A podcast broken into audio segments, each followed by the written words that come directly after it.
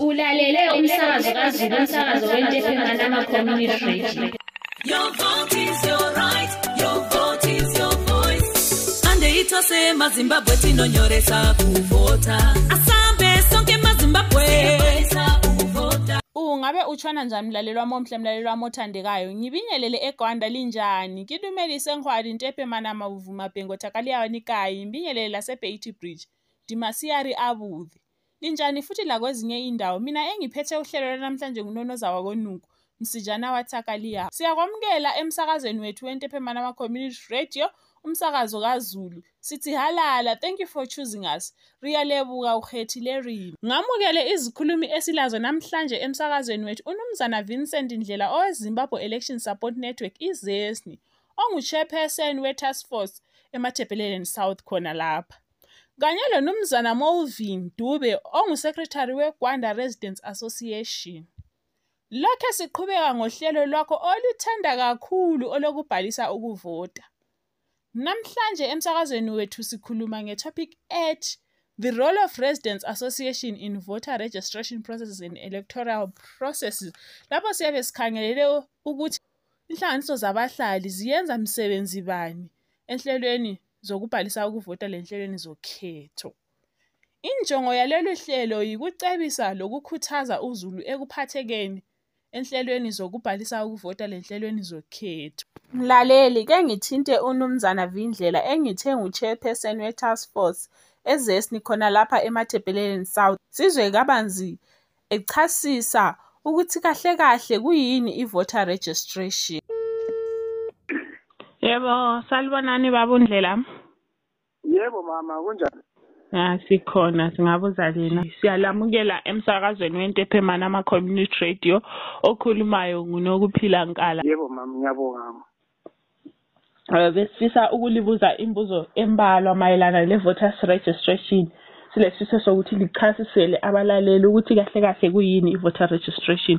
Ngiza kuqala ama-questions ami. Kulungile mama. alright kuyini i-voter registration Ngiyabonga msakazi. Voter registration ukubhalisa kule njongo yokuthi wenelise ukuvota. Umuntu angaza ke avote ngaphandle kokuthi ayenze abhalise alright ya alright kuyazi umbuzo wami wesibili engilawo ukuthi ngubani ongenelisa ukubhalisa ukuvota Ngiyabonga. Umuntu wonke oseleminyaka engaphezu kwechumi lasicamnembili 18 uyenelisa ukubhalisa ukuvota. As, as, as long elesithupha uyenelisa ukubhalisa ukuvota. 18 years kusiya phezulu uyenelisa ukubhalisa ukuvota. Okay. Uh yiziphi indingeko ezikhangelelweyo nxa umuntu efuna ukubhalisa ukuvota? Indingeko ezikhangelelweyo ma umuntu efuna ukubhalisa ukuvota eh. kukhangelelwe ukuthi ube lesithupha eh. esisebenzayo esikhanyayo. Ube lepassport esebenzayo. Lokho kuyakwenza wenelise ukubhalisa ukuvota. Njalo kumele kube lobufakazi balapho ohlala khona obathi ngesilungu yi-proof of residence. Okay babundlela ngiyabonga. Omunye umbuzo engilawo ukuthi kungani kuqakathekile ukuthi uzulu aphatheke enhlelweni zokhetho lenhlelweni zokubhalisa ukuvota? Kuqakatheke kakhulu ukuthi uzulu aphatheke enhlelweni zokuvota. Zokubhalisa ukuvota. Ngani ngoba thina lapha sande ukuthi sithi umbuso kazulu? Umuntu ma engabhalisanga ukuvota kayenelisi ukuba yingxenye yombuso kazulu ngoba ukubhalisa ukuvota kunika ilungelo lokhetha umuntu omfunayo kukunika ilungelo lokuthi wena ukhethwe futhi. So ma ungabhalisanga awulalo ilungelo lakho awenzi ilungelo lakho. Njalo ukubhalisa ukuvota ukuthi kuqinikisekiswe ukwenelisa kokuthi umuntu avote kukhetho lesizwe olwendawo yokuvote eh, yokuvotela loba olwesicabelo ama-councils ama-ward and so forth. So kuqakathekile ukuthi abantu baphatheke empilweni zona lezo ngoba bengekho bona ah, siyakhethelwa ngoba nababuso alright siyabonga. Umbuzo engilawo wokucina njengoba sesivala uhlelo lethu yikuphi ukuthi yiziphi inhlelo elilazo njengezesni elizenzayo ukukhuthaza uzulu ekuphathekeni enhlelweni zokhetho lezokubhalisa uvota thina njengezesni ngapha esabelweni sezansi mathebeleni south eh. sile nhlelo esiba lazo ikakhulu ebulenjini um like ku- silama-platforms especially kuzoom sike saba nezoom emasukwini adlulileyo lapho besigcophe khona abantu abafika hundred. Ukuthi sikhulumisane ngokukatika kokubhalisa ukuvota. Nangokukatika kokuthi inani lakithi likhuphuke ngoba amanani ethu aphansi kakhulu. So silehlelo ezinjalo zokukhuthaza abantu ukuthi ba- babhalise ukuvota ku- kuzoom kumade kuzoom kufacebook ukhona lemarediweni njengakhonokho esikwenza kathesi ngezinye zezinhlelo esizenzayo ukuthi abantu babe bathole ulwazi lokubhalisa ukuvota. Hawu right babundlela siyabonga. For isikhathi senu elithe lasithatha lasichasisela kakhulu nge-voter registration siyabonga ukuba lani emsakazweni wethu. Ngiyabonga mankala. Hayi kulungile My youth, nevakuru makore 18 zvichikwira une passport kana chitupa unokwanisa kunonyoresa. Swala iproof of residence.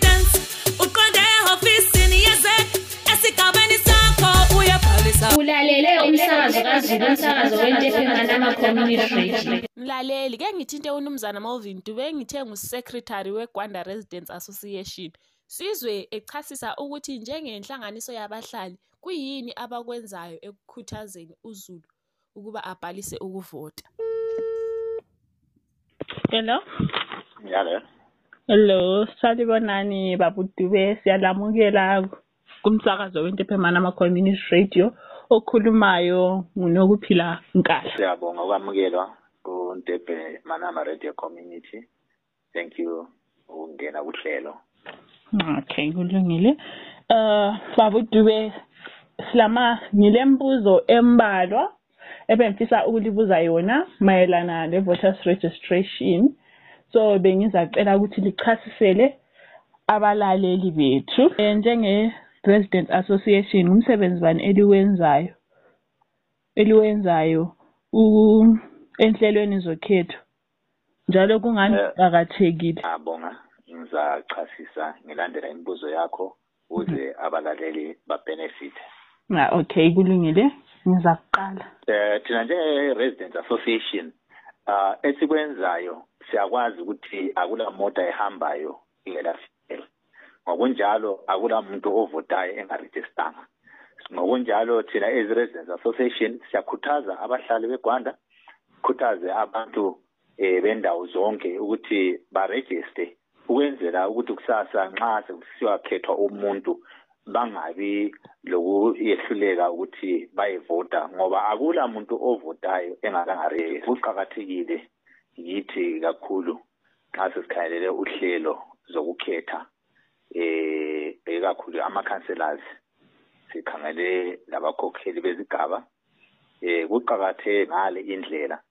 Singakhangela ukuthi ama-councillors ukuze akhethwe kumele abantu bayenelise ukuthi bavote.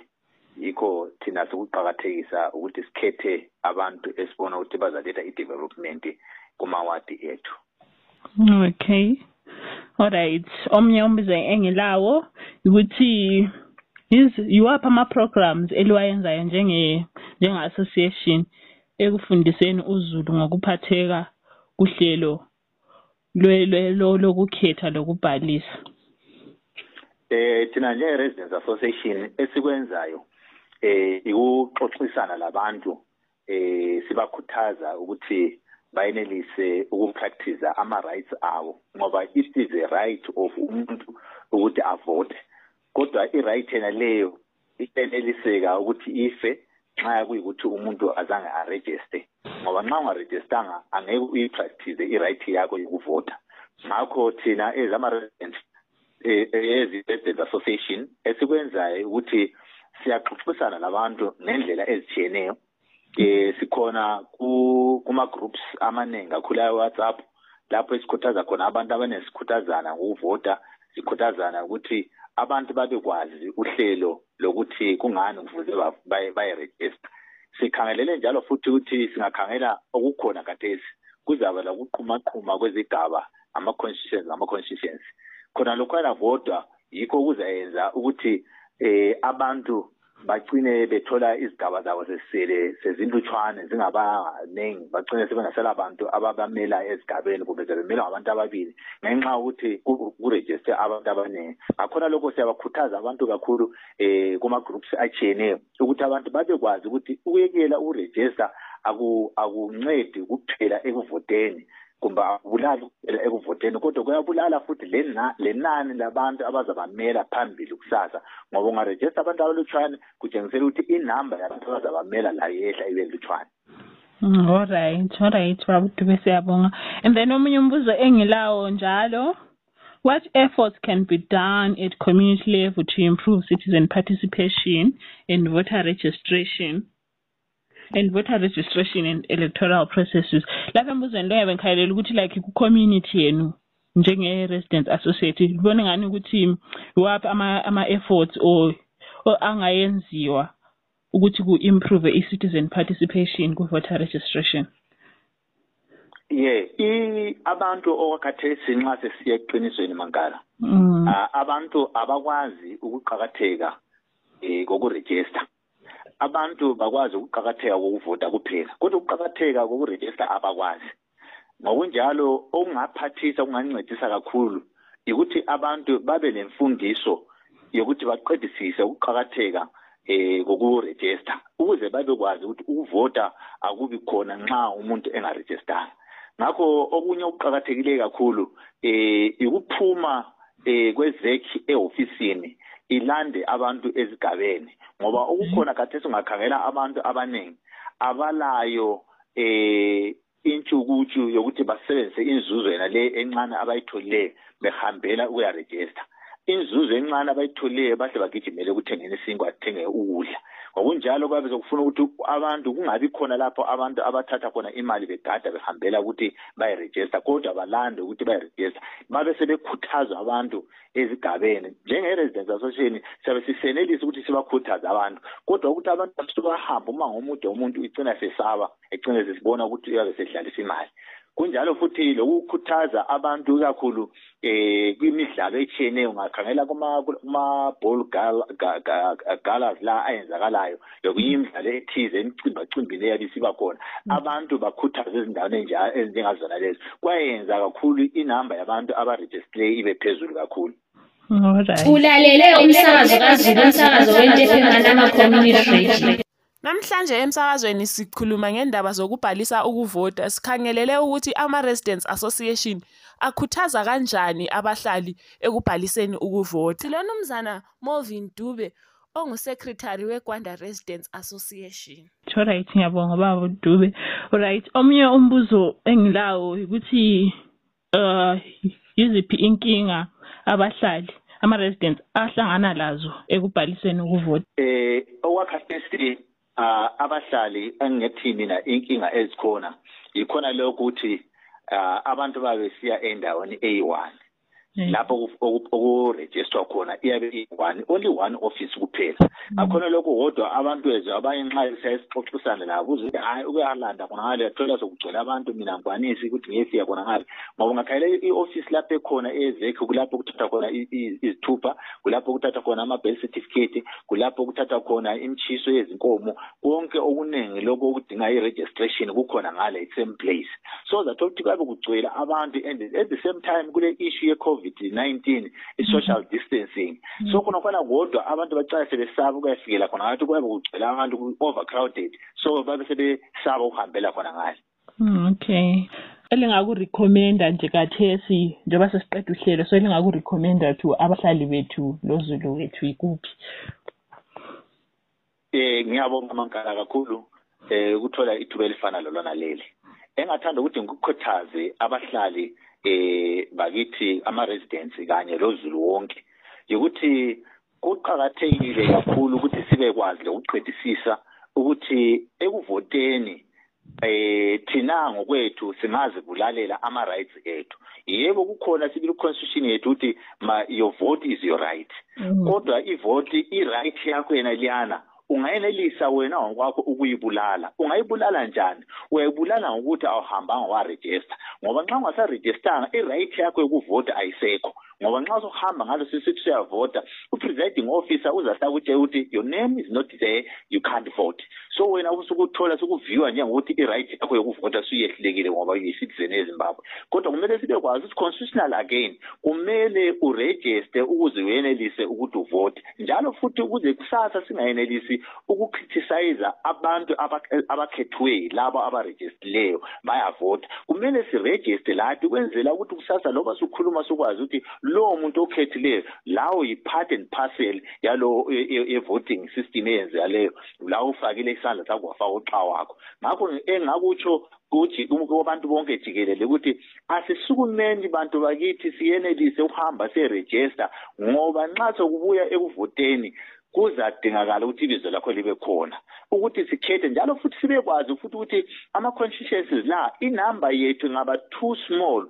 At the end of the day sizathola ukuthi ama-members of parliament azaba malutshwane kum-area yakithi kumbe ngithi kumathibhelen south ngoba i-population yabantu ababerejistile iyabe ingasavumi ukuthi sibe le namba yama-constituency la akhona. Kungarejista abantu abalutshwane kakhulu. We might find ourselves having u-one member of parliament emelele imathibhelen south yonke ngoba kurejiste abantu abalutshwane. Kodwa bangasukuma abantu babe maningi bayerejista inamba ibe phezulu. Ama-members of parliament esila lawo aza kumanjalo kungenzakala nxa sisuke sarejista futhi sadlulisa inani elivele likhona abanye bayihluleka kwezinye izigaba kumbe kwamanye ama-provinces it is also possible to have another extra member of parliament udlula lesi vele silawo Alright. Ya, kuyazwisiseka. Alright, babudube siyabonga kakhulu ukuba lani emsakazweni. Themba abalaleli bazwile bazwisisa udaba lolade sidiscussa ngalo lapha. Siyabonga ukuba lana emsakazweni kaZulu. Ngiyabonga amankala hlala ubusekile. Stay blessed.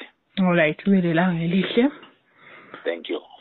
Usale kahle mlaleli. Usale sinhle. Ushale habuthi siyabonga mlaleli ngokusenza umsakazo wakho okhethekileyo. Stay tuned. Follow us on facebook at ntephe manama community radio. Sikhona ku-twitter ethi ntephe radio. Sikhona njalo la right, your vote is your right, your voice.